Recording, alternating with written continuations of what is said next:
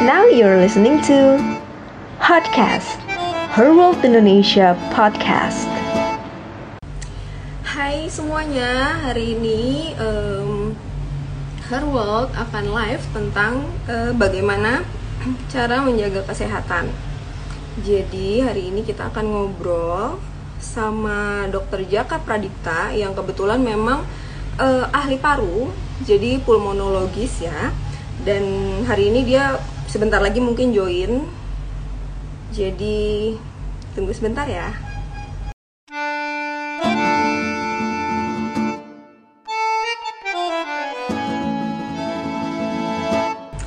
Oke, jadi sebelum sambil kita nunggu dokter Jaka masuk, uh, mungkin kita akan ngebahas sedikit tentang new normal. Jadi new normal itu kan kita udah kira-kira sudah menjalani itu sekitar dua tiga mingguan ya, tiga mingguan gitu kita sudah menjalaninya. Cuman beberapa hari kemarin atau beberapa minggu belakangan itu kayak sempat kaget gitu, kayak kok new normal, kayaknya malah jadi kayak normal gitu. Karena rame di mana-mana penuh gitu. Jadi uh, kita makanya kita mau nanya langsung sama ahli paru yang kebetulan memang uh, praktek di nah ini dok dokter jakanya udah ada. Oke kita langsung ajak aja halo halo selamat sore dokter sore mbak Regani apa kabar Baik, baik. Tadi lagi di jalan ya sempet ya. Iya, yeah, sorry, agak mepet-mepet. Nggak apa-apa. Uh, iya nih, jadi hari ini kita kan kemarin aku udah kasih tahu sedikit ya tentang bahasan hari ini tuh sebenarnya yeah. apa. Hmm, jadi terima sebelumnya terima kasih banget udah mau join sama Her World. Nah, jadi kita ini topiknya sebenarnya adalah tentang gimana sih sebenarnya cara ngejaga kesehatan selama new normal karena kan kita udah masuk new normal nih sekarang gitu. Yeah. Iya. Uh, mungkin sebelumnya aku pengen nanya dulu kali ya kayak sebenarnya keadaan rumah sakit itu sekarang uh, setelah new normal dan sebelum hmm. new normal itu sama atau beda sih apakah semakin ramai atau yeah. sama aja gitu. Hmm. Oke, jadi um, kalau kita memang bicara masalah Indonesia itu kan luas ya. Uh, banyak sekali kota-kota yang memang saat ini masih zona merah gitu. Tapi kita nggak bisa pungkiri lagi memang banyak daerah-daerah yang masih hijau gitu ya. Kasusnya ringan, penyebarannya ringan. Nah kalau kita ngebahas mengenai ini normal, WHO punya standar kapan sih kita bisa mulai beraktivitas lagi dengan aman gitu ya. Yang pertama adalah kasusnya itu uh, semakin menurun dengan angka penyebarannya menurun gitu ya. Itu menjadi kata kunci satu. Yang kedua, rumah sakitnya sudah bisa menampung pasien-pasien gitu. Jadi sudah ada fasilitas pelayanan kesehatan. Yang ketiga adalah kemampuan sebuah daerah untuk testing, untuk uh, swab dan untuk uh, apa namanya melakukan tracing, kontak tracing. Nah, kalau misalnya uh, sebuah daerah menolak untuk lockdown, agak patah-patah ya. Oke, okay, sorry sorry. Udah agak bagus sinyalnya? Tadi sempat okay, kayak ngelek okay. gitu, cuman hmm. sekarang udah oke okay sih. Kalau misalnya seseorang uh, sebuah daerah memilih untuk tidak melakukan lockdown, gitu ya.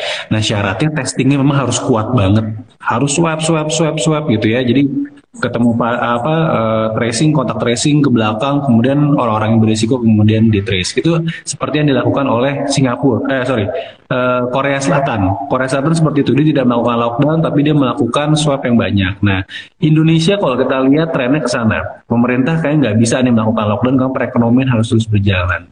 Sehingga memang uh, andalan kita adalah melakukan tracing sebanyak-banyaknya. Nah kalau kita bicara daerah-daerah yang masih zona merah saat ini Surabaya, Makassar ya, eh, Kalimantan Timur ya kalau nggak salah, itu memang kasusnya lagi sangat meningkat gitu. Itu seperti Jakarta tiga bulan yang lalu. Kalau kita bicara masalah Jakarta, sebenarnya kasusnya masih terus ada, penyebaran itu sudah ada, tetapi memang lebih uh, tenang dibandingkan dengan tiga bulan yang lalu dan uh, jumlah pasien-pasien yang apa namanya kritis saat ini di Jakarta itu memang berkurang dibandingkan dengan kota yang lainnya. Tapi ini masih terus ada, gitu ya. Jadi bukan berarti kita benar-benar aman. Oh enggak, ini kita masih terus ada. Sehingga kalau kita melemahkan melemahkan kewaspadaan kita, yang terjadi adalah kasus ini terus menerus. Kita coba lihat deh hari demi hari angka kematiannya kan terus masih ada tuh di uh, kota-kota besar. Luar biasa memang di Surabaya tuh angka kematian luar biasa banyak sekali. Jawa Timur, sorry bukan Surabaya tapi Jawa Timur. Kalau Jakarta memang uh, lebih menurun dibandingkan dengan tiga bulan yang lalu. Tapi kita nggak ada yang tahu kalau kitanya tidak waspada minggu depan atau dua minggu lagi jumlah kasus akan bertambah. Itu kita nggak ada yang tahu. Tapi kalau ditanya realita, memang kalau saya kan saya di Wisma ya, di Wisma Atlet Kemayoran dan di beberapa rumah sakit swasta, memang kasus-kasusnya masih terus ada, namun gejala-gejala yang kritis memberat memang berkurang dibandingkan dengan awal-awal kasus COVID-19 berada di Jakarta. Nah, so, kemarin kan sempat dengar tuh uh, berita baik ya, maksudnya berita yang sangat positif ketika dikabarkan bahwa uh, jumlah pasien sembuh dari Wisma Atlet itu sampai 3.000 yeah. orang itu memang betul seperti itu dan kok gimana ya nanyanya kok bisa sampai sebanyak hmm. itu gitu maksudnya alhamdulillah yeah, banget yeah, iya. sebenarnya yeah. cuman memang apakah ada peningkatan uh, apa namanya cara mengobati hmm. atau Ya, jadi uh, itu adalah salah satu kemampuan testing kita yang terus bertambah. Jadi gini, kenapa di awal-awal kok yang kita susah banget dapat pasien sembuh? Kenapa angka sembuh itu rendah sedangkan angka yang positif itu tinggi? Karena kemampuan tes kita tuh masih rendah gitu ya. Karena setiap kita mau tes, itu hasilnya baru 10 hari kemudian atau dua minggu kemudian baru ada hasil. Makanya buat mendapatkan pasien yang sembuh itu susah. Nah, sedangkan sekarang di Wisma Atlet itu sendiri sudah ada tuh lab sendiri dengan hasil tiga hari itu sudah ada keluar hasilnya. Sehingga kita untuk mendapatkan pasien yang sembuh itu menjadi lebih mudah.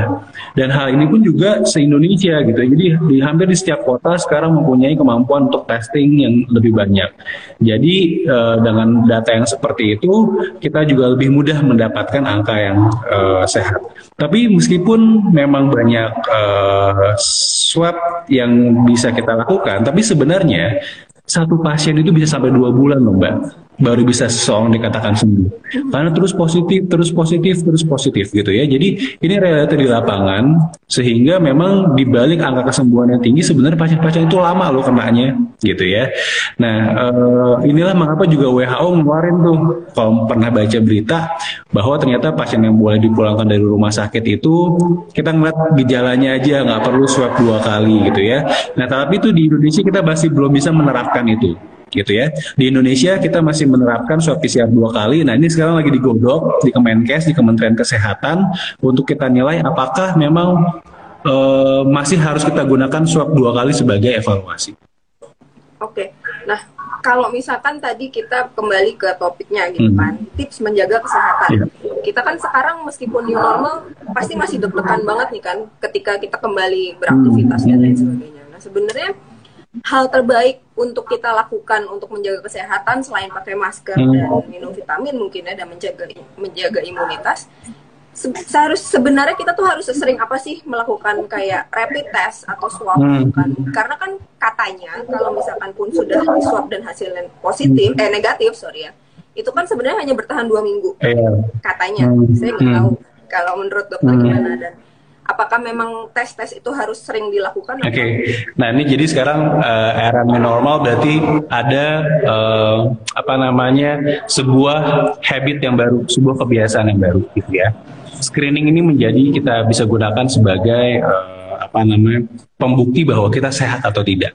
Kalau di luar negeri, kalau kita lihat di Eropa, di negara-negara lain, swab test itu nggak bisa loh kita mandiri gitu. Harus orang yang ada risiko dan orang yang ada gejala baru boleh di swab. Nah, Indonesia ini agak beda. Sebenarnya malah sesuatu yang bagus menurut saya gitu. Kita siapa pun bisa untuk mengetes. Kenapa kita melakukan itu? Karena kita berusaha untuk memulai aktivitas kembali lebih cepat. Karena kasusnya sebenarnya belum turun. Beda di negara lain yang memang aktivitasnya dilakukan sesudah gejalanya atau penyebarannya itu menurun, kasusnya menurun gitu ya, baru boleh uh, beraktivitas. Nah, waktu itu enggak, masih tinggi-tinggi tapi kita melakukan aktivitas. Sehingga solusinya adalah bisa melakukan swab secara uh, mandiri gitu ya. Masalahnya adalah harganya masih mahal gitu ya. Masalahnya harganya untuk swab test itu sekitar satu setengah juta lah. Kita lihat average gitu dengan hasil tiga hari. Uh, kalau mau cepat rapid test, tapi rapid test itu hasilnya tidak memuaskan sebenarnya karena banyak sekali false positif ataupun false negatifnya, sehingga memang swab uh, test itu bisa menjadi acuan kita. Nah kalau ditanya efeknya dua minggu, belum tentu juga. Semisal gini, hari ini sore ini aku coba swab test, malam hari aku kontak ketemu sama orang yang positif dan aku jarak dekat sama dia nggak pakai masker dia batuk ternyata dia covid positif. Jadi hasil yang aku dapetin itu sebenarnya dalam beberapa jam tuh bisa langsung berubah. Karena aku bisa langsung kontak dengan orang yang positif. Jadi sebenarnya hal itu juga uh, apa namanya uh, tidak sesuatu yang pasti. Angka dua minggu itu sebenarnya nggak jelas. Tetapi, nah, tetapi makanya swab test itu harus kita kerjakan, diikuti juga dengan memakai masker, dengan jaga jarak, gitu ya, dan hindari keramaian. Jadi bukan berarti kita swab test sekarang negatif, terus kita senang-senang nongkrong-nongkrong di coffee shop, rame-rame sama teman-teman, ngobrol, eh, ngalur ngidul sampai malam, akhirnya ternyata kita bisa beresiko malah kena, gitu ya. Jadi swab test itu hanya untuk membuktikan bahwa oke okay, saat ini aku sehat, tetapi kewaspadaannya masih terus dijaga. Gitu. Harus terus dijaga sampai memang kasusnya benar-benar turun. Oke, nah terus dok, hmm. ini tadi aku udah baca beberapa sini pertanyaannya gitu ya. Orang ini kan sekarang banyak yang pakai kendaraan hmm. umum karena memang harus ke kantor atau ke mana pun gitu kan karena nggak semua orang punya kendaraan pribadi gitu kan.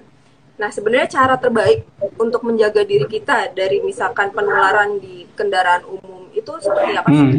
Ya, jadi sebenarnya ya, uh, menurut saya pembukaan atau pelonggaran PSBB itu yang paling berisiko sebenarnya adalah mobilisasi manusia, transportasinya gitu.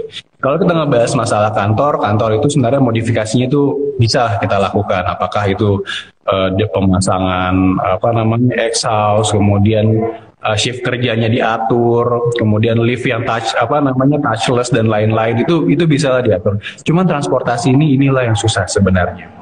Oke, jadi gini, ketika kita memilih transportasi massal, pilihlah yang memang uh, jumlah orangnya itu tidak terlalu banyak sehingga resiko untuk menularnya sedikit gitu ya. Jadi apakah menggunakan ojek online ataupun menggunakan uh, apa mobil online gitu ya misalnya ya. Oke, sekarang kalau ojek online artinya pakai masker, helm bawa sendiri gitu. Helm jangan gabung dengan orang lain. Jadi harus pakai helm sendiri. Terus kalau misalnya emang harus pakai helm orang lain, helm super Gojeknya, si covernya itu kita bersihin dulu ya pakai alkohol semprot atau desinfektan semprot. Jadi jangan langsung dipakai karena itu dropletnya mudah sekali nempel di helm itu gitu ya. Itu untuk uh, apa namanya ojek online. Kalau misalnya uh, apa namanya uh, mobil ya kita naik mobil online misalnya Uh, memang itu tanggung jawabnya si supir sebenarnya untuk melakukan desinfektan. Tapi yang paling mudah adalah kalau kita memang naik pakai masker, kemudian siapin hand sanitizer dan kalau bisa desinfektan semprot boleh dipakai dan di dalam mobil jangan banyak pegang-pegang benda gitu ya.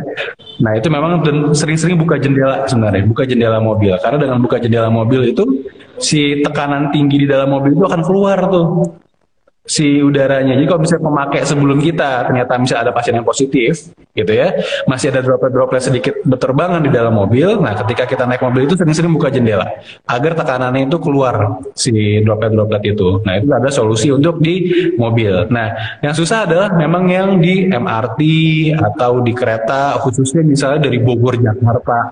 Iya, nah itu memang itu uh, susah. Nah, caranya adalah pertama pilihlah waktu-waktu yang memang uh, tidak terlalu ramai. Jadi kita atur waktunya dan itu memang kerjasama sama kantor sebenarnya. Jadi apakah waktu kerjanya digeser gitu ya, harus uh, cerita sama HRD. Kemudian yang kedua adalah wajib pakai masker, wajib memakai hand sanitizer. Nah, jangan juga berbicara di dalam gitu ya atau misalnya ada orang yang banyak berbicara atau itu kita kita menghindar deh jangan dekat-dekat kenapa ruangannya sempit ventilasinya nggak bagus ketika ada orang berbicara itu sangat berisiko sebenarnya karena droplet pun sendiri keluar dari saat kita berbicara gitu ya. Nah uh, dan jangan banyak megang-megang benda balik lagi. Kita sering-sering cuci tangan tapi kalau memang tangan kita bandel suka megang-megang itu akan berisiko. Dan kemudian juga setiap kita membersihkan tangan bersihkan juga handphonenya gitu. Jadi benda-benda kita di kendaraan umum itu habis megang macam-macam megang handphone, cuci tangan, megang handphone lagi, handphone keburu kotor di awal, ya. Jadi setiap kita membersihkan tangan, bersihkanlah juga handphone kita, gitu. Itu itu sedikit tips and trick dari saya. Jadi um, apa ya ketika kita sekarang di era new normal ini keluar rumah itu kayak kita udah siap perang gitu. Udah siap hand sanitizer di tangan kiri. Tisu di uh, kantong kanan gitu ya. Kemudian masker udah siap. Masker juga jangan bawa cuma satu bawa lebih. Karena 4 sampai 6 jam kita harus ganti masker gitu ya. Harus siap sedia. Oh, jadi 4 sampai 6 jam iya, gitu ya? harus diganti. Jadi nah siapin juga kantong plastik untuk naruh masker yang bekas gitu ya. Jadi kita udah harus siap sedia. Terus apalagi uh, sajadah travel misalnya. Jadi kita setiap mau sholat di musola, di kantor apa pun di tempat kita kerja gitu, nah itu udah harus siap kita bawa uh, sajadah sendiri. Jadi saat ini era new normal kita sendiri yang harus mempersiapkan segala sesuatunya. Gitu.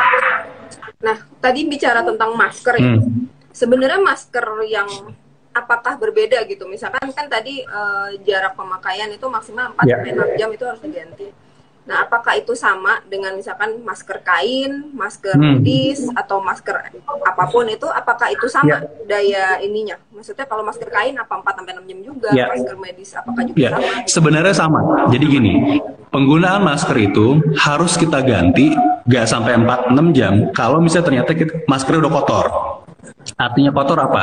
Saat kita pakai lagi sakit, terus kita bersin-bersin, kita batuk, udah banyak tuh droplet di dalam maskernya, itu nggak harus sampai 4 sampai 6 jam kita harus ganti. Gitu ya. Kemudian eh, apa?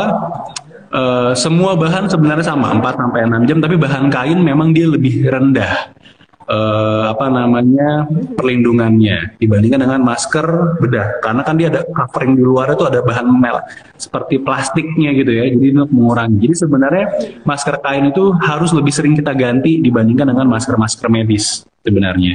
Nah, tetapi masker kain itu enaknya apa? Dia bisa kita cuci dengan deterjen, kita bisa uh, siram dengan air hangat gitu ya, dan kita jemur, terus habis itu besok kita bisa pakai lagi.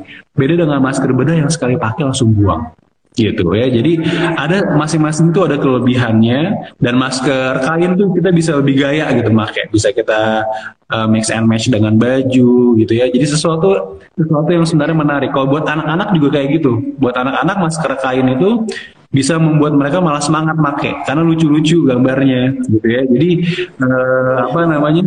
Dan mungkin masih lebih gampang buat iya, nafas ya, ya, ya. buat anak-anak daripada Betul. masker yang dan pilihlah masker yang bahannya nyaman dan ketika kita pakai itu fit nyaman kekecilan juga salah karena tidak nyaman kegedean juga salah karena nanti malah uh, apa dropletnya akan mudah masuk gitu ya dan pilihlah bahannya yang nyaman saya pernah sekali tuh pakai beli gitu ya bahannya bagus nih kayak menarik gambarnya. Pas saya pakai ternyata bahannya itu bukan bahan katun bukan bahan uh, silk gitu ya. Bahannya itu malah bahan yang seperti kayak kulit dan dari plastik gitu ya. Itu sangat sesak karena pori-porinya itu sangat kecil. Jadi uh, memilih masker kain pun juga kita harus selektif uh, jangan sampai malah merugikan kita. Oke, okay, mungkin ada beberapa pertanyaan yang mau mulai saya bacain. Yeah. Jadi sebentar ya, saya mau pilih dulu. Soalnya banyak hmm. banget dari tadi. Um, Oke, ini ada pertanyaan dari Wida Windira. Dok, semua pelayanan drive-thru rapid yang ada di beberapa hmm. tempat itu valid nggak sih, dok? Hmm, Oke, okay. jadi gini, kita uh, selain memang kita ngomong valid atau enggaknya, yang pertama kita harus tahu dulu bagaimana cara menggunakan rapid test, gitu ya. Penggunaan rapid test itu nggak bisa sekali kita periksa terus langsung kita anggap itu valid harus dua kali pemeriksaan dengan tentang satu minggu baru bisa kita pakai tuh hasilnya gitu ya Kenapa? Karena yang kita nilai adalah antibodi, bukan virusnya. Antibodi itu artinya tubuh kita membentuk perlindungan, baru kita bisa detect. Masalahnya, perlindungannya itu terbentuk setelah satu minggu kita kontak sama si virus gitu. Jadi pas yang minggu pertama hasilnya negatif, kita harus pastikan lagi di minggu berikutnya. Bener nggak nih kita negatif gitu ya? Nah, kalau pemeriksaan pertama sudah positif, itu juga belum tentu kita percaya. Jangan-jangan antibodi terbentuk tapi virusnya udah nggak ada. Makanya ketika positif harus kita swab test sebagai konfirmasi gitu. Jadi pertama kita untuk menilai valid atau enggaknya kita harus tahu dulu cara kerjanya. Kemudian yang kedua adalah memang mereknya itu bermacam-macam. Ini aku jujur aja ya, pernah ada satu pasien aku periksa empat jenis rapid test, hasilnya beda-beda gitu. Nah, jadi uh, memang kalau kita misalnya nih ada uh, teman yang menjual atau sebuah perusahaan kantor kita misalnya punya, boleh aja tuh kita lihat alat rapid testnya apa dan kita pastikan bahwa rapid test ini sudah disetujui oleh uh, Kemenkes atau BNPB atau enggak gitu. Karena sekarang banyak juga tuh merek-merek yang bandel-bandel yang diimpor tapi memang efektivitasnya kurang bagus. Sehingga memang hasilnya juga meragukan gitu. Jadi itu dulu itu yang kedua. Jadi pertama pastikan kita tahu cara apa cara penggunaannya. Yang kedua adalah pastikan mereknya itu merek yang terjamin. Itu menurut saya. Tapi taunya gimana ya dok? Maksudnya kalau orang hmm. awam hmm. itu kan kita ya udah rapid rapid yeah. aja gitu loh. Kita nggak aware gitu betul, sama merek, sama apa. Kalau mau inilah rumah gitu? sakit yang memang uh, apa namanya trusted gitu. Pilihlah memang tempat-tempat. Jadi gini, sekarang sekolah rapid test sekarang tuh di mana-mana gitu ya. Uh, apa namanya? Uh, klinik-klinik pinggir jalan itu buka gitu ya yang kita memang bisa meragukan. Jadi memang pilihlah tempat-tempat atau lab-lab besar yang terpercaya atau rumah sakit-rumah sakit yang terpercaya. Itu sih menurut saya salah satu poinnya paling uh, mudah kita ini. Dan harga juga berpengaruh soalnya mbak. Ada ada harga ada barang. Itu itu nggak itu nggak bohong. Gitu itu nggak bohong. Sampai ke tes pun ya. itu berpengaruh ya. ya. Ada harga ada barang tuh. Ya. benar Oke. Nah, terus ini ada lagi nih dari Mbak Indri Elizabeth. Pertanyaannya, gimana sih pendapat dokter tentang disinfektan yang disemprotkan ke badan? Hmm. Karena menurut WHO kan sebenarnya tidak boleh disinfektan itu yeah. langsung disemprotkan ke manusia. Betul. Sedangkan sekarang kan banyak orang yang sebelum masuk rumah hmm. disemprot disinfektan sama keluarganya gitu. Nah, itu tuh gimana? Oke, prinsip pertama adalah virus ini tidak masuk ke dalam kulit, ya. Jadi dia tidak masuk di telapak tangan kita, dia tidak masuk ke kulit kita. Dia hanya masuk ke mukosa tubuh kita itu dari hidung, mulut dan mata, gitu ya. Nah jadi kalau kita semprot desinfektan ke kulit badan kita, tentu aja itu nggak ada gunanya, gitu ya. Tentu saja itu nggak ada gunanya. Nah, kapan desinfektan ada fungsinya? Yaitu ke benda, benda-benda sekitar kita yang kita pegang kotor, kita megang wajah, gitu. Jadi desinfektan itu berguna untuk benda mati sebenarnya gitu. Makanya disemprot-semprot desinfektan, semprot uh, meja, kursi kantor gitu ya atau di pinggir jalan, trotoar dan lain-lain. Nah, itu sebenarnya untuk benda-benda mati agar virusnya mati.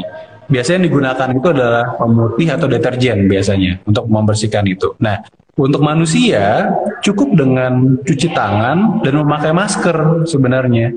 Atau paling gampang ya mandi jadi nggak usah disemprot-semprot aneh-aneh gitu. Mandi, mandi aja dulu membersihkan tubuh kita gitu. Jadi kalau misalnya uh, ada kantor-kantor yang menggunakan desinfektan, sebenarnya itu berbahaya. Kenapa? Ketika desinfektan itu kena kulit, kalau kulitnya sensitif, maka dia bisa meradang. Yang kedua, kalau misalnya dia jangka panjang, dia bisa menjadi kanker, gitu ya. Atau orang-orang alergi juga nanti dia akan membuat respon di kulitnya menjadi kemerahan, gatal dan lain-lain. Jadi memang hati-hati pengguna desinfektan di kulit. Tubuh kita hanya menggunakan sabun itu cukup. Jadi kalau pulang ke rumah, ya mandi, lepas baju mandi, nggak perlu disemprot-semprot aneh-aneh, gitu ya. Yang cukup mandi dengan sabun yang biasa, murah meriah itu bisa membersihkan badan kita dari virus. Berarti sebenarnya segala jenis sabun itu nggak usah yang sabun antiseptik Betul. atau sabun apa itu sebenarnya bisa ya? Jadi nggak perlu yang antibakterial 100% antivirus nggak usah. Sabun apa pun dengan harga yang paling murah pun itu pun bisa membunuh virus. Oke, dan keramas juga sebenarnya penting ya karena sebenarnya nggak banyak orang yang tahu kan kalau sebenarnya keramas itu juga harus untuk di masa kayak Iya iya iya sebenarnya apalagi kalau perempuan rambutnya panjang gitu ya kan nyentuh nyentuh wajah tuh rambutnya ke mata, ke mulut dan lain-lain. Kalau memang ternyata kita habis dari uh, transportasi MRT kereta gitu ada orang batuk di belakang kita kita nggak ada yang tahu gitu ya. Terus tiba-tiba rambutnya ke wajah. Gitu. Jadi memang sebenarnya kalau kami di rumah sakit kami bisa pakai uh, head cap. Jadi pakai cap rambut gitu ya Uh, ada beberapa dokter perempuan juga suka pakai cap yang ada gambar-gambarnya gitu. Jadi untuk melindungi rambut itu agar terus bersih. Nah itu bisa juga dipakai untuk teman-teman yang memang beraktivitas uh, naik transportasi massa, apa uh, kereta kayak gitu ya. Jadi bisa buat melindungi rambut kita. Oke. Terus tadi ada lagi nih pertanyaan. Tadi agak ke atas sih sebenarnya. Uh, untuk menjaga kesehatan kita itu sebenarnya vitamin itu penting nggak sih? Karena uh, karena kan katanya sebenarnya vitamin itu nggak terlalu efektif Hmm. kan karena yang efektif tuh yang tidur cukup Ya. terus menjaga imun dengan olahraga gitu nah kalaupun memang vitamin itu ternyata memang penting gitu vitamin apa Hmm. aja yang sebenarnya penting dan haruskah kayak suntik vitamin C Hmm, hmm. atau seperti itu Oke, jadi kata kuncinya di era new normal ini adalah perilaku hidup bersih dan sehat sebenarnya. Ya, jadi istirahat yang cukup, makan makanan yang bergizi, tidak merokok, tidak minum alkohol, ya. Kemudian eh, apa? Jangan begadang gitu ya. Itu sebenarnya eh, yang harus kita lakukan. Nah, vitamin itu selama kita makan makanan yang bergizi dan cukup, sebenarnya cukup, nggak perlu kita tambahkan lagi, gitu ya. Selama kita cakupan nutrisinya bisa yang baik dan benar. Tapi kalau sekarang di era new normal ini kan udah pada mulai kerja nih, udah pada mulai lembur misalnya, udah mulai macet-macetan dan lain-lain, daya tahan tubuhnya berisiko turun, boleh ditambah vitamin, gitu ya. Nah, vitamin itu bisa dua, bisa melalui IV atau suntik, atau misalnya minum. Minum vitamin C bisa sampai 1500 miligram per hari gitu ya. Eh, yang bagus juga selain vitamin C itu adalah vitamin D ya 1000 unit minimal atau zinc yang bagus ya. Jadi vitamin C, vitamin D, vitamin E dan zinc gitu. Jadi kalau mau nyari vitamin-vitamin, mau belanja buat perlengkapan perang nih nanti selama era new normal gitu ya. Carilah yang kandungan vitamin C, D, E, dan zinc-nya itu tinggi karena untuk perlindungan terhadap virus itu bagus. Tapi kalau misalnya mau cukup dengan makanan aja, boleh tambah madu gitu misalnya untuk meningkatkan daya tahan tubuh itu oke banget. Nah, kebetulan nih, kebetulan lagi ngobrol sama dokter. Jadi waktu itu kan banyak banget artikel-artikel yang bilang sebenarnya eh, manusia itu nggak butuh vitamin C sebanyak Hmm. itu gitu. Jadi kalau minum yang seribu itu katanya sebenarnya bahaya. Nah itu sebenarnya gimana sih? Karena kita bingung kan. Ya. Pengen minum vitamin C yang seribu untuk menjaga imun, tapi katanya nggak boleh gitu. Jadi sebenarnya yang bener tuh yang Iya, jadi memang gini eh, penelitian-penelitian yang sekarang ya eh, menyatakan bahwa vitamin C dosis bahkan sampai hingga 6000 pun sebenarnya boleh. Asal ya, asal fungsi ginjalnya bagus dan minumnya bagus. Gitu. Jadi eh, asupan air dan eh, fungsi ginjalnya baik. Kalau kita misalnya minumnya kurang atau misalnya kita aktif berolahraga dan minumnya kurang terus minum vitamin C juga, efeknya nanti fungsi ginjalnya akan menjadi lebih berat. Gitu. Jadi semakin banyak vitamin yang kita minum harus diikuti juga dengan minum air putih yang banyak gitu. Nah kalau misalnya memang kita nggak butuh-butuh amat vitamin C dosis tinggi, vitamin C 500 mg sehari pun cukup sebenarnya gitu. Tapi kalau misalnya memang lagi lemah banget dan lain-lain dosis tinggi boleh asal minum air putihnya yang banyak. intinya air putih Ya, ya. betul. Berarti. Oke. Terus ada lagi nih dari Ristaji. Hai dok, cara aman olahraga saat new normal ini gimana ya? Hmm. Nah sebenarnya itu saya sangat mengapresiasi teman-teman di saat era new normal itu pada pengen banget olahraga. Saya lihat hari Minggu kemarin tuh GBK antriannya luar biasa sampai sampai Belum buka Iya gitu. Terus eh, Car Free Day juga ramenya luar biasa. Ya memang orang mungkin bosan kali ya di rumah dan ingin mencari, ingin keluar rumah gitu ya. Tapi di sisi lain kalau memang benar-benar pengen berolahraga sih bagus banget. Ternyata orang tuh pengen hidup sehat. Nah, tapi nggak ada tapinya di era normal ini eh, kunci utamanya adalah jangan cari yang tempat rame gitu. Boleh ke Senayan, tapi mungkin jangan minggu pagi yang rame banget gitu. Jadi hari-hari biasa misalnya. Jadi kenapa? Karena ketika kita berolahraga, memang baiknya pakai masker. Tapi kan nggak mungkin kita pakai masker terus-terusan. Pasti ada fase di mana kita menaikkan intensitas olahraga kita, kemudian kita sesak, butuh oksigen, kita buka. Nah, apa yang terjadi kalau kita buka tapi kanan kiri kita banyak orang gitu? Itu sangat berbahaya karena malah bisa akan tertular dari keramaian gitu. Jadi prinsip pertama adalah hindari keramaian, hindari olahraga yang ramai. Eh, utamakan di mana? Utamakan di rumah. Kalau kita bisa melakukan olahraga yoga dan lain-lainnya di rumah, utamakan di situ dulu. Kalau misalnya memang bisa keluar rumah, lakukanlah di lingkungan sekitar rumah, di komplek dan lain-lain. Apakah itu naik sepeda, lari, gitu ya. Jadi lakukanlah di sekitar eh, rumah kita. Nah, kalau misalnya memang harus keluar rumah, cari yang benar-benar sepi. Kalau misalnya mau naik sepeda dan mau lari, nah jangan posisinya itu eh, belakang orang lain. Kenapa? Karena kalau di, kita ada orang di depan kita terus dia ngos-ngosan tuh, dia dropletnya tuh ke belakang. Gitu ya. Jadi kalau bisa ya, Oh, gitu kalau bisa ya? kita sejajar. Karena lebih aman. Gitu. Jadi kalaupun mau di belakang orang lain jaga jarak 2 meter. Jangan di belakangnya persis. Karena kan orang ngos-ngosan tuh. Nah, itu droplet tuh kalau lagi lagi lari ketiup angin dia ke belakang gitu ya jadi eh, benar-benar kalau mau sejajar jangan bergerombol. Karena itu benar-benar sangat berbahaya untuk penularan. Nah berarti sekarang yang benar-benar lagi rame-ramenya itu sebenarnya bikin deg-degan juga ya. Kalau dilihat-lihat karena benar-benar rame Iya. banget kan, apalagi yang naik sepeda, main skateboard, sekarang kan banyak banget. Iya betul. Jadi eh, apa kita boleh berolahraga. Jadi gini aku selalu bilang di era new normal ini semua itu pilihan. Mall buka tapi bukan berarti kita harus ke mall gitu kita hargain orang-orang yang harus bekerja di mall, perusahaan-perusahaan mall, tapi bukan sebuah kewajiban gitu loh. Kita pergi-pergi jalan-jalan ke mall gitu. Olahraga misalnya Car Free Day buka, Senayan buka, tapi pilihan kita untuk tidak pergi ke sana dan pilihan kita untuk bisa berolahraga di rumah aja. Gitu. Jadi era new normal itu bukan berarti kita kebebasan kita untuk kembali normal, tapi era new normal itu ada pilihan. Nah, kitalah yang memilih secara bijak kapan sih kita ke keramaian, kapan sih enggak. Kalau nggak penting-penting amat, masih di rumah aja gitu. Kalau memang masih bisa maksimal dengan work from home dan kantor bisa memberikan itu, ya kita lebih baik di rumah gitu. Jadi itu merupakan sebuah pilihan kita saat ini untuk beraktivitas. Nah terus nih ada pertanyaan juga. eh, saya masih ragu untuk makan di luar, meski kadang nggak bisa dihindarin. Baiknya memang hindari makan di tempat, atau harus bawa perangkat makan sendiri ya, ataukah lebih aman take away? Karena sekarang restoran juga udah mulai banyak yang buka. Iya. kan. Mungkin orang-orang masih bingung gitu kayak pengen makan di luar, bosan di rumah, tapi harus apa? Oke, aku ada tips and trick. Kalau misalnya kita mau makan di luar, kalau makan sebenarnya makan aja, makan aja. Kan orang punya tuh, jika pasti buka masker, masker kan nggak mungkin kita makan pakai masker kan. Jadi pasti maskernya dibuka terus dia ngunyah. Nah, kalau saat ngunyah mulutnya kan tertutup sebenarnya. Harusnya itu aman. Tapi yang menjadi masalah adalah habis makan, maskernya dibuka terus ngobrol-ngobrol, nongkrong-nongkrong. Nah, itulah yang menyebabkan bisa terjadi penularan di situ. Gitu ya. Jadi eh, boleh aja take away, eh sorry, makan eh, di tempat, tetapi habis makan pulang gitu. Jadi benar-benar cuma makan aja. Jangan banyak ngobrol-ngobrolnya. Karena sangat susah sekali untuk menjaga eh, penularan kalau misalnya kita nongkrong-nongkrong. Nah, yang kedua, kalau memang misalnya eh, apa jadi baiknya sebenarnya ada take away.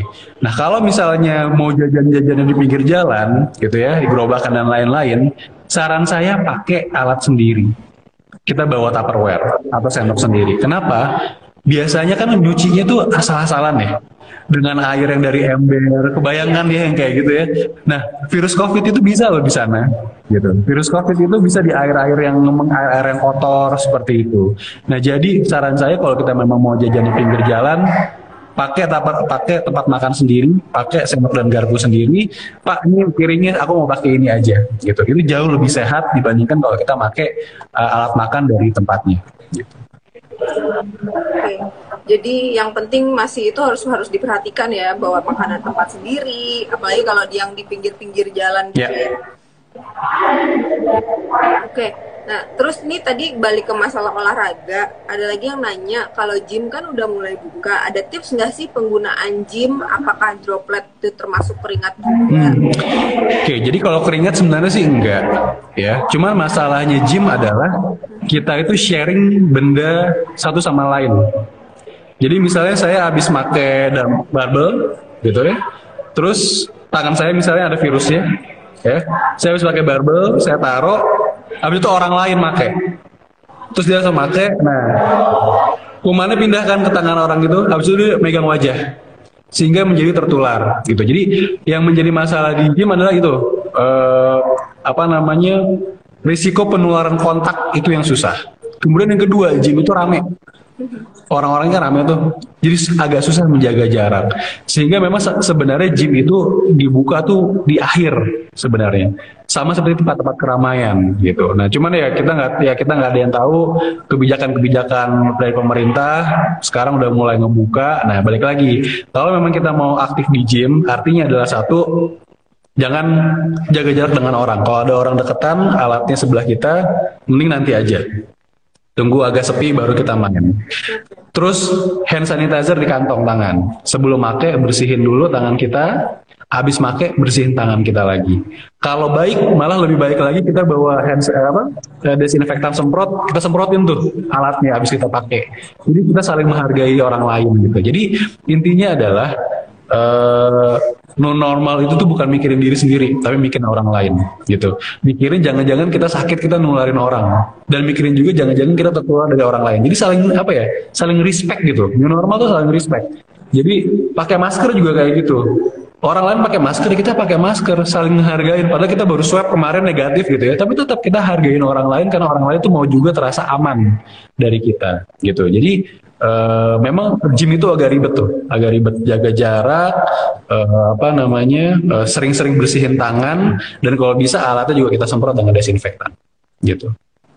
Jadi saling peduli ya, Betul. ya, nggak cuma peduli diri kita sendiri, peduli sekitar juga. Betul. Nah, terus kan uh, kalau misalkan cuci tangan, tadi kan dibilang paling bagus sebenarnya cuci tangan. Cuman kalau nggak ada sabun, kita bisa pakai hand sanitizer Nah, cuman uh, kayak sebenarnya tuh hand sanitizer yang bagus itu, maksudnya yang efektif itu yang memang 70% atau gimana? Soalnya kan waktu itu sempat ada juga tuh uh, pro kontra gitu kan. Katanya kalau keseringan pakai hand sanitizer nanti kumannya malah jadi imun terus malah jadi nggak uh, mati gitu. Iya iya. Bener gak sih? Iya iya iya iya betul. Jadi gini sebenarnya hand sanitizer minimal alkoholnya itu 60 sampai 70 persen ya. Dengan itu sebenarnya cukup. Nah hand sanitizer itu bahannya ada macam-macam tuh. Ada yang kayak gel gitu ya. Ada yang uh, apa namanya ada yang uh, mudah menguap. Kalau saya saya sih yang cair biasa, jangan yang terlalu gel sampai lengket karena uh, terutama untuk anak-anak ya takutnya nanti dia langsung megang-megang makan dan lain-lain malah jadi uh, efeknya nggak bagus. Tapi pokoknya intinya adalah 70% itu alkohol uh, aman dan baik untuk tangan kita. Nah, memang ada teori tuh yang bilang semakin sering cuci tangan imunnya rendah dan lain-lain ya. Menurut saya itu nggak usah kita uh, apa terlalu pikirkan gitu. Kenapa? Proses imunitas kita itu terbentuk saat anak-anak sebenarnya.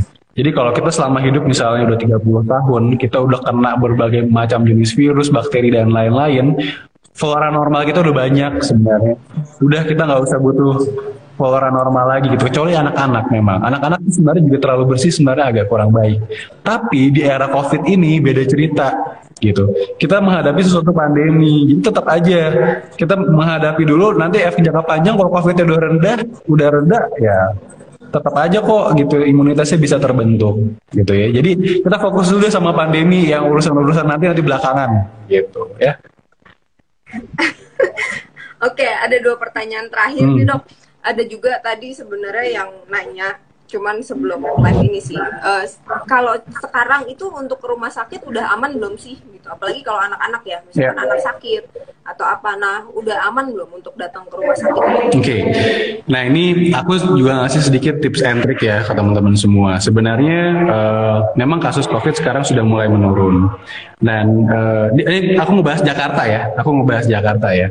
Dan kami di rumah sakit itu sudah memiliki uh, kemampuan screening yang lebih baik lah dibandingkan dengan beberapa bulan yang lalu. Jadi mau masuk rumah sakit tuh pasti ada pertanyaan dulu, ada nggak batuk, pilek, demam gitu ya, apakah ada kontak dan lain-lain. Jadi screening itu dilakukan di depan. Dan di rumah sakit saya pun di swasta, setiap kita mau tindakan itu kita ada paket screeningnya. Jadi kita ada pemeriksaan apa namanya uh, eh, CT scan dan lain-lain gitu ya. Jadi untuk apa? Memang costnya akan lebih tinggi, tetapi akan aman untuk kita bersama gitu. Aman untuk pasien yang nanti akan berobat, aman untuk pasien yang berobat, dan aman untuk kami tenaga medis. Jadi sekarang sih sebenarnya trennya screening-screening ini udah menjadi lebih bagus lah. Jadi sehingga pasien itu akan merasa lebih aman dan memang lebih aman gitu. Kecuali, nah kecuali rumah sakit itu memang khusus COVID.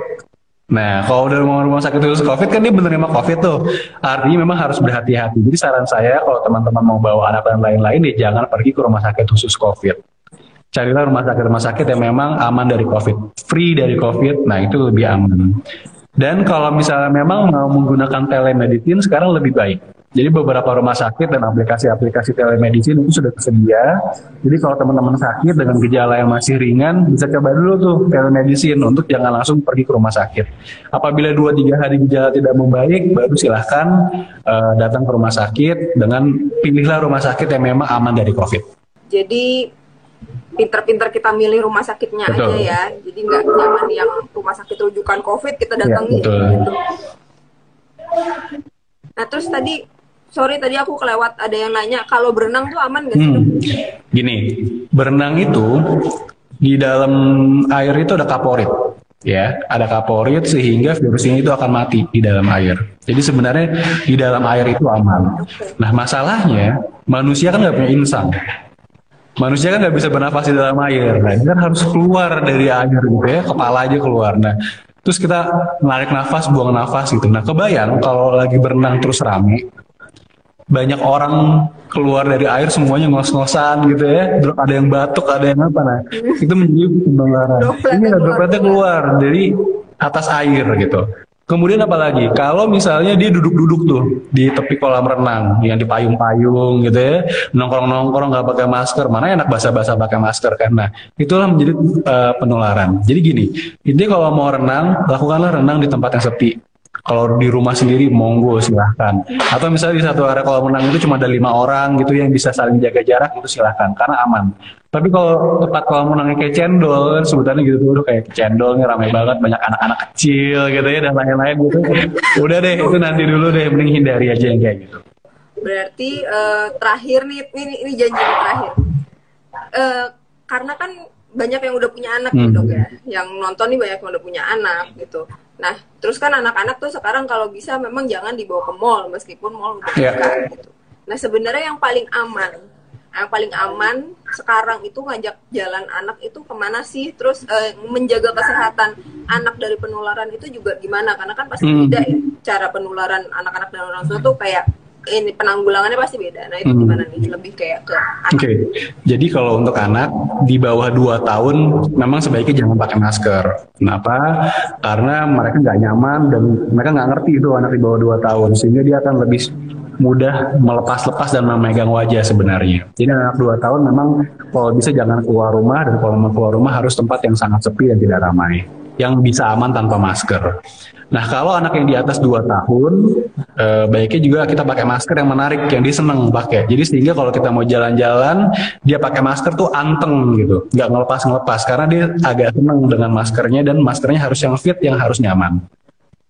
Nah kalau misalnya mau berpergian sebenarnya paling gampang tuh cuci mata naik mobil keliling-keliling kota gitu ya biar mereka nggak bosan di dalam rumah gitu ya. Dan kemarin kalau nggak ada satu apa kebun binatang yang memang dia bisa uh, apa namanya lihat-lihat binatang tapi dalam mobil. Taman safari itu sekarang kalau salah tuh bisa tanpa harus keluar dari mobil, tanpa buka jendela. Itu udah lumayan banget tuh menghibur gitu ya. Uh, atau misalnya pergi ke taman, taman yang memang gak rame gitu ya, uh, main-main lari-larian silahkan tuh mau mau apa main tak lari atau apa segala macam tapi memang harus di, di tempat yang tidak rame gitu. Teman yang tempat-tempat yang gak rame. Jadi eh, dibandingkan dengan mall ya atau tempat-tempat yang lainnya baiknya memang tempat-tempat seperti itu. Atau misalnya kita beli apa kolam renang yang bisa dibikin di rumah tuh ya yang pakai balon dipompa gitu ya, kasih air gitu buat mereka senang-senang. Jadi sebenarnya banyak sih ya cara untuk seperti itu. Intinya adalah boleh keluar rumah boleh main asal jangan rame dan tetap memakai masker. Itu ininya syaratnya. Oke dok terima kasih banyak. Ini udah nggak berasa banget tuh 45 menit ternyata. Jadi terima kasih banyak dokter sekali Sama-sama. lagi. Uh, semoga tetap sehat, uh, selamat bekerja kembali Semoga pandemi ini segera amin, amin. Uh, terima kasih banyak okay. dan selamat sore. Thank you udah gabung sama Her World.